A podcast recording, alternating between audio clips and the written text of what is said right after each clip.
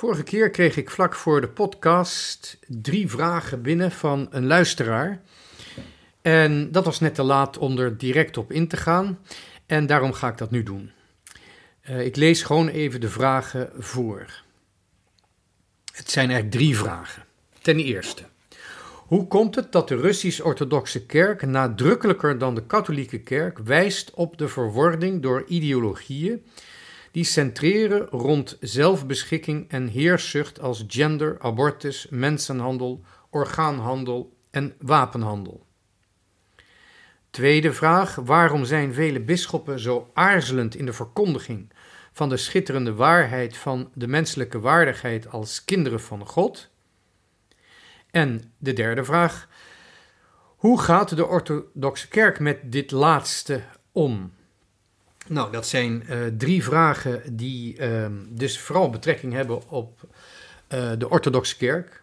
Uh, en ook een vergelijking trekken tussen de katholieke en orthodoxe kerk. Um, maar um, ja, de vragen gaan toch wel uit van bepaalde gezichtspunten, van bepaalde uitgangspunten die niet helemaal kloppen.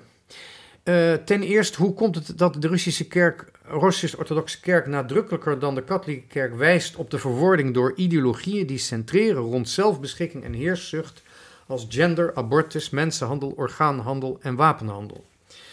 Um, het is precies niet zo dat de orthodoxe kerk daar meer over zegt dan de katholieke kerk. Uh, dat is altijd door de eeuwen heen al zo geweest. Uh, de katholieke kerk heeft zich veel meer bezig gehouden met ideeën, ja, ideologieën, ehm, die eh, in strijd zijn met ehm, ten eerste het geloof en ten tweede die in strijd zijn met de menselijke natuur. Daar is uh, met name juist de katholieke kerk al vanaf het begin van haar bestaan heel uh, veel mee bezig geweest. Um, dat kan ze ook omdat de katholieke kerk uh, door de aandacht die ze heeft voor catechese en theologie um, beter kan aanwijzen, naast van wat waar is, ook wat onwaar is. En de tragedie met de orthodoxe kerk is eigenlijk geweest dat er sinds uh, het uiteenvallen in de twee helften, dus sinds zeg maar, het uiteengaan van de katholieke en de orthodoxe kerken, um, dat zij nooit werkelijk een concilie heeft kunnen houden over de objectieve geloofsinhoud. He, dus um, er is gewoon geen uh, duidelijk ontwikkelde en ook coherente theologie in uh, de um, Russisch en Griekse en andere orthodoxe kerken. En um, juist omdat ze niet uh, ja, genoeg is toegekomen aan het formuleren van een coherente en, en, en logische, rationeel begrijpelijke geloofsleer, die overgedragen kan worden, als gevolg daarvan zijn ten eerste orthodoxe gelovigen over het algemeen, althans totdat we de huidige geloofscrisis kregen in het Westen, maar waren de Oosters, uh, de, de, orthodoxe gelovigen, veel minder uh, goed ingelicht over uh, wat zij nou precies geloofden. Omdat hun eigen autoriteiten dat veel minder hadden bekeken. dus um, ja, dan krijg je dus ook als gevolg dat je minder scherp kunt aanwijzen wat er fout is. Als je minder duidelijk uh, en helder kunt overdragen van wat je wel gelooft, kun je ook minder uh, precies aanwijzen van wat je niet gelooft of wat in strijd is met het geloof. En wat dat betreft is die, uh, zijn de orthodoxe kerken um, echt wel um, weerloos geweest tegenover um, de ideologieën. Um, en ook uh, hebben ze um, hun eigen volk niet goed, uh, of eigenlijk een, hele samenleving, veel minder vorm kunnen geven dan de westerse samenleving. Uh, ik noem daar één belangrijk verschil, wat je iedere keer weer ziet als je kerkgeschiedenis bestudeert. Dat is dat de kerkelijke macht zich in de middeleeuwen onafhankelijk heeft gemaakt van de wereldlijke macht. Dat is een heel belangrijk gegeven uit onze kerkgeschiedenis. De scheiding van kerk en staat. Ehm, er zijn eigenlijk twee momenten in de geschiedenis die heel belangrijk zijn voor eh, de band tussen de uh, wereldlijke uh, machten en de vertegenwoordigers van de geestelijke machten. Het eerste moment stamt van voor het christendom, het, het rijk van Meden en Perzen, ehm, dat de Joden heeft laten terugkeren naar Jeruzalem, naar hun eigen heilige beloofde land, Israël na de ballingschap in Babylon. Dat um, grote rijk van Mede en Perzen is eigenlijk um, ja, een van de eerste momenten geweest dat er een heel duidelijke scheiding, een onderscheid, geen scheiding, maar een onderscheid ontstond van wereldlijke en seculiere overheden. He, dat zie je dus onder andere doordat de uh, Perzische uh, keizer, de koning, uh, werd niet meer als godheid vertegenwoordigd, ehm, werd, werd niet meer als godheid eh, gezien. Vertegenwoordigde misschien wel in zekere zin het goddelijke, maar hij liet ieder volk zijn eigen ehm, religie beleiden. En zo konden de Israëliërs teruggaan. Er wordt zelfs in de Bijbel verteld dat de Perzische koning, die geen Jood was, wel hielp met de met het herstel uh, van de tempel in Jeruzalem. Dus dat is een eerste moment uit zeg maar, de menselijke geschiedenis. Ik zou zeggen vanuit de universele uh, beschaving. Het eerste moment dat je heel duidelijk ziet een scheiding tussen uh, de wereldlijke en de geestelijke machten. We zien dat in onze eigen middeleeuwen zich herhalen. Um, zoals u misschien weet was um, het christendom aanvankelijk een vervolgde godsdienst in het Romeinse Rijk. Na enige tijd werd het bij uitstek de religie van het Romeinse Rijk, een enorme omslag. Maar de relaties tussen de keizer en de kerk, die hebben, of tussen de koningen en de kerk, die hebben door de eeuwen heen uh, langzamerhand vorm gekregen. En een van de meest uh, markante uh, ja, momenten voor de katholieke kerk is geweest dat de paus niet onder de keizer kwam te staan. He, paus en keizer die hadden vaak oneenigheid, maar ze werden toch verbonden in een hele diepe eenheid, waarbij het onderscheid der machten uh, heel duidelijk uh, gemaakt werd. En dat is een van de gevolgen van ook de heldere katholieke geloofsleer, helder onderscheid en um, de, de, de, um, met name bij de orthodoxen, de Grieken, die hebben uiteindelijk het onderspit gedolven uh, onder de Turken.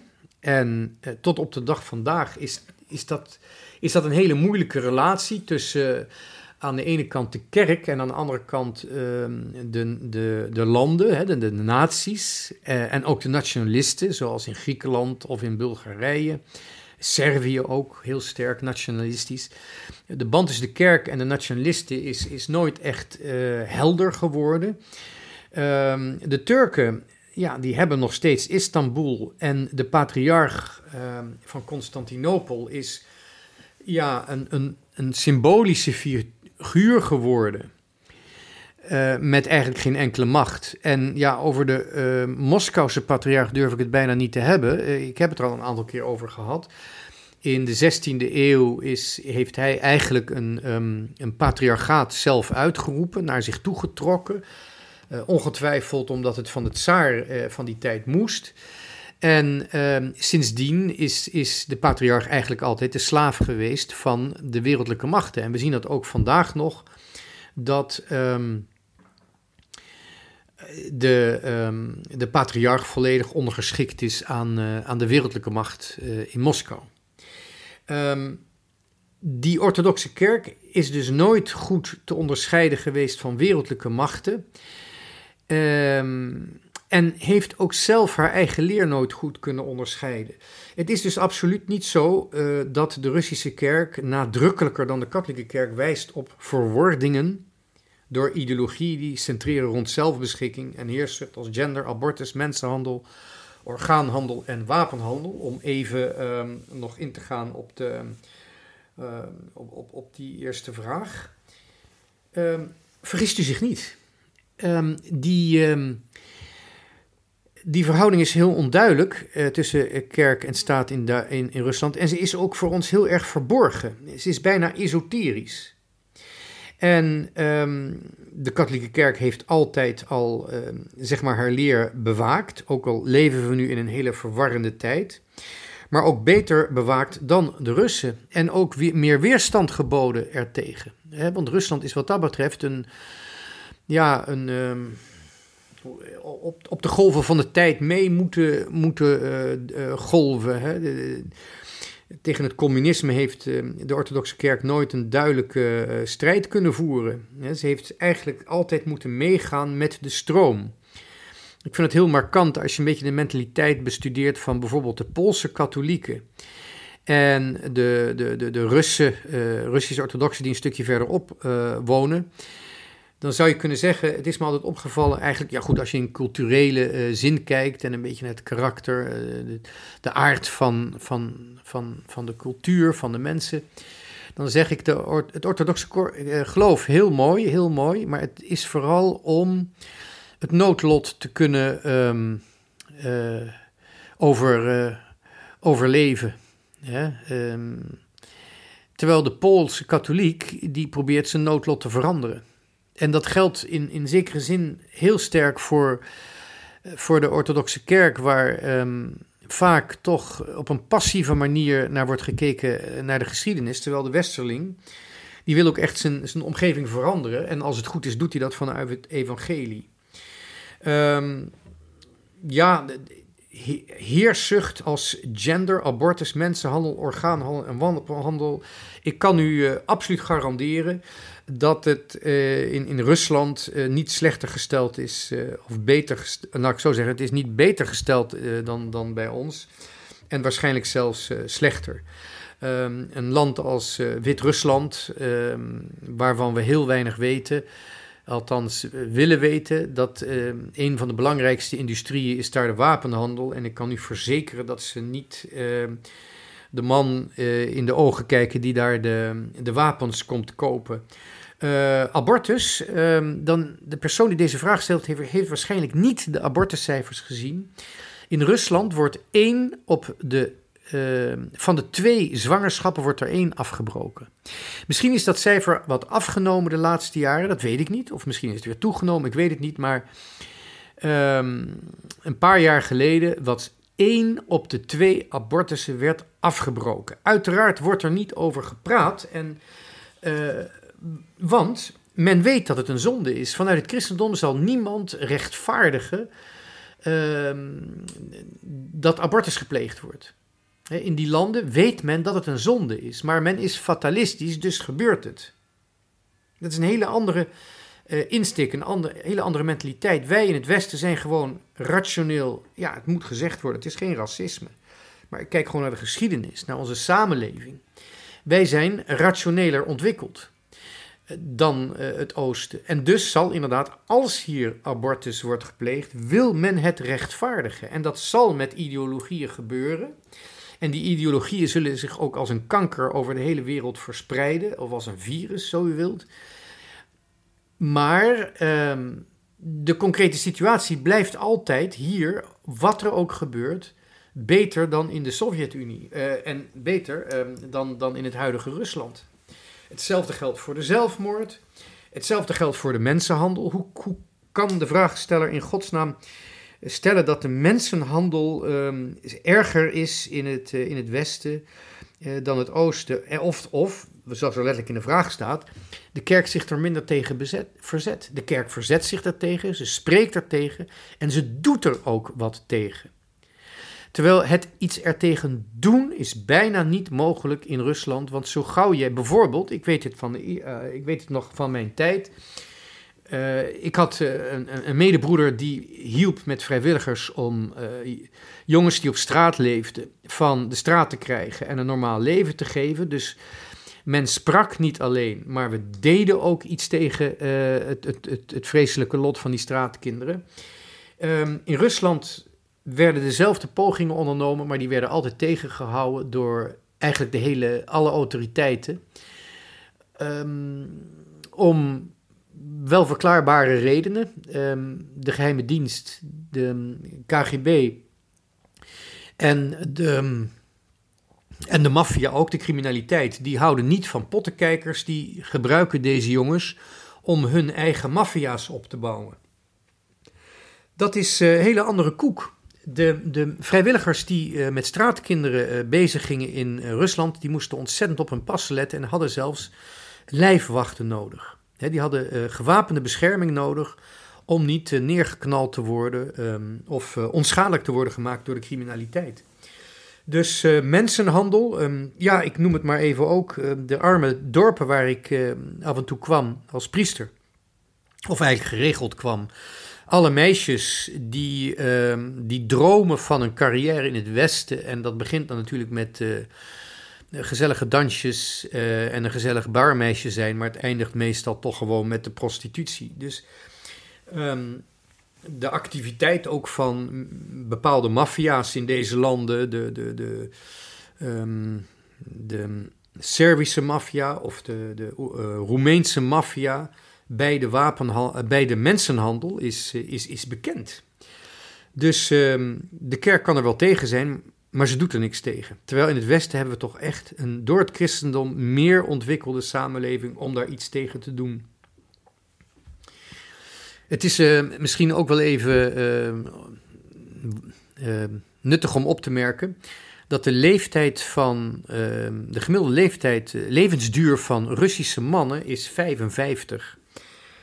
Ja, dus de misdaad en het drugsgebruik en het alcoholgebruik zijn er zo enorm ontwikkeld dat de um, ja, gemiddelde leeftijd van de mannen is um, vergelijkbaar met een, eh, een, een, land in oorlog. Uh, nou is het dat nu ook natuurlijk, maar ook in vrede is het te vergelijken met een oorlogstoestand en een, um, een land in een zeer, zeer zware crisis. Nou, dan krijgen we de tweede vraag, en dat is wat moeilijker te beantwoorden. Waarom zijn vele bisschoppen zo aarzelend in de verkondiging van de schitterende waarheid, van de menselijke waardigheid als kinderen van God? Er zijn hele moedige bisschoppen, er zijn heel voorzichtige bisschoppen en er zijn ook bange bisschoppen. Nou, wat doe je met uh, goede bisschoppen? Die steun je. Uh, wat doe je met um, bange bisschoppen, eh, die ga je ook steunen. Die ga je zeggen, man, uh, word meer man. Kom uit voor je geloof. En er zijn ook gelukkig voorzichtige bisschoppen, want bepaalde dingen, die moet je, zeker heftige dingen, moet je op zo'n manier verkondigen dat, uh, dat het niet alleen geloofwaardig is, maar dat het ook waarachtig is, dat het rechtvaardig is. Um, bijvoorbeeld, neem nou de abortus. Er zijn gelukkig nog een heleboel bisschoppen die daar zeer fel tegenin gaan. Maar wat doe je ermee? Ja, dat is wel opvangregelen voor ongewenst zwangere moeders. Je, kunt altijd uh, aan de ene kant de verkondiging moet je helder houden, maar je moet wel de daad bij het woord voegen. En ook dat is weer iets dat ontzettend goed ontwikkeld is in Nederland. Ik moet wel zeggen, het zijn de protestanten die er het, uh, het verst mee zijn, die er het, uh, het hardst aan de weg getimmerd hebben. Maar er wordt in onze samenleving wel degelijk iets tegen abortus gedaan. En ook al is het een hele diepe uh, christelijke strijd die ook ons in, uh, in de kerk enorm raakt. Ja, je kunt wel, toch wel spreken van een zekere burgeroorlog binnen de katholieke kerk. Um, ja, bij de orthodoxen wordt die, kerk, wordt die strijd eigenlijk helemaal niet gevoerd. Die is daar niet nodig. Men weet dat abortus fout is, maar men doet het gewoon. Er is een hele fatalistische houding tegenover de zonde, eh, althans in, in, in Rusland. Overigens qua genderideologie. Uh, ik heb wel eens van, of ik heb toch wel van verschillende kanten ook gevraagd aan, aan, aan, aan mensen in, in Litouwen en in Rusland hoe zij uh, um, ja, in hun seksualiteit waren opgevoed. En het antwoord is dus gewoon niet. Um, ik kan best wel schokkende verhalen vertellen over, uh, zeg maar, de, de, de manier waarop uh, de mensen die ik daar kende hun onschuldigheid zijn uh, verloren. Daar hoeft u zich verder geen enkele voorstelling van te maken hoe dat daartoe gaat. Um, ook af en toe zakenmensen die geschokt waren als zij een, een zakendeal gesloten hadden in, in Rusland, dan werd er niet alleen samen gedronken, want dat werd er ook al voor de onderhandelingen gedaan, maar na de onderhandeling, handelingen, als het contract gesloten was, dan gingen we gewoon gezellig naar de hoeren. Er zijn bepaalde uh, elementen van die samenleving die men niet kent. En zeker als de patriarch van Moskou nu ons de, de, de les staat te leren, althans dat heeft hij een tijdje geprobeerd om de inval in de Oekraïne uh, te, te, rechtvaardigen, ja, dan zegt hij natuurlijk wat uh, bepaalde oren hier in het Westen willen horen, maar niet omdat hij er echt in gelooft. En, en zeker niet omdat hij er zelf ook wat aan gaat doen in zijn eigen land. Nou, daarmee heb ik eigenlijk ook al uh, antwoord gegeven op de laatste vraag. Hoe gaat de orthodoxe kerk met dit laatste om? Schitterende waarheid van de menselijke waardigheid als kinderen van God. Ja, um, hoe gaat ze daarmee om? Ze probeert wel te putten uit wat de kerkvaders hebben gezegd en de traditie. Maar um, ja, daar laat ze het bij. Uh, de laatste paar eeuwen is er niet meer echt sprake geweest van een, een, een uh, contact met de samenleving om werkelijk vanuit het evangelie die samenleving te veranderen en vorm te geven. Daar heeft de, ja, doodgewoon uh, heeft ze de middelen niet voor genomen. En dat zie je ook in het religieuze leven. Uh, we hebben in het Westen dat fenomeen van de uh, onderwijsordes, de, de ziekenverzorgingsordes. Hè. We, we, hebben niet alleen Benedictijnen die de sterren van de hemel loven, maar we hebben um, ook trappisten um, die um, dat ook doen, maar ook nog lekker bier brouwen. We hebben de Franciscanen die van uh, aalmoezen leefden en de armen gingen helpen. Uh, wat heb je nog meer? Je hebt Dominicanen, je hebt Jezuïeten. Je hebt een enorme veelheid van verschillende ordes die werkelijk een hele samenleving hebben opgebouwd samen met leken en ook uiteindelijk vaak aan leken die taken hebben uh, doorgegeven. Um, het hele onderwijs bij ons is opgezet vanuit religieuze ordes. Het arme volk mocht weer gaan leren omdat er broeders en zusters waren die uh, opkwamen voor de arme klasse. Dat heeft de orthodoxe kerk allemaal gemist. Het is heel rot om het te zeggen, zowel in aantallen, kwaliteit als kwantiteit is het gewoon niet te vergelijken wat er in het oosten en het westen is gebeurd. En daardoor is die, die menselijke waardigheid eh, als kinderen van God, ja, is de orthodoxe kerk daar wel zo bewust mee bezig geweest. Ik denk dat een, een, een, grote, een grote tragedie van de, van de eh, orthodoxe kerk is dat ze zich nooit heeft aangesloten bij het filioque, bij het filioque en uh, daar ook uiteindelijk een grote tegenstander van is geworden. Want het filioque uh, dat mysterie van de Heilige Geest die in eeuwigheid uit de eenheid van Vader en Zoon voortkomt, ja, dat vindt vooral zijn weerspiegeling in ons persoonlijke geloofsleven. Door het feit dat wij in de naaste liefde verantwoording aan elkaar kunnen, af, uh, tegenover elkaar kunnen afleggen. En ook uh, tegenover God verantwoording kunnen dragen, mede uh, verantwoording, verantwoordelijkheid kunnen dragen voor, voor de verlossing. En door dat filioque af te wijzen, heeft ook zeg maar dat die weerspiegeling van Gods eeuwige heerlijkheid in het gewone leven van de mensen, die verspiegeling is ook vervaagd of, of niet mogelijk geworden of nooit echt uit, uit de verf gekomen. Dus um, ja, zoals u begrepen heeft, ik ben katholiek, maar um, ik heb wel overwogen in mijn studententijd om orthodox te komen. Dus ik weet toch wel een beetje waar ik het over heb. Um, ik heb het in die tijd bestudeerd. En ja, het is eigenlijk toen ik ben gaan kijken en luisteren, met name naar eh, Paus Johannes Paulus II, dat het voor mij duidelijk is geworden dat ik moest katholiek worden. Uh, ik blijf mijn sympathie behouden voor de orthodoxie. Eh, zeker voor de kunstuitingen van de orthodoxie, uh, waar de geloofsleer die wij heel helder in woorden hebben, bij hun op een minder duidelijke maar, manier wordt weergegeven in beelden, maar wel op een manier die open staat voor mystiek. Dus wat dat betreft, um, om het af te sluiten zou ik zeggen, um, geef mij maar de heldere katholieke traditionele geloofsleer met uh, de prachtige, stille, um, traditionele iconen van de orthodoxe kerk. Ik hoop dat dat een beetje een antwoord is geweest op de vragen. Bedankt voor het luisteren en tot een volgende keer.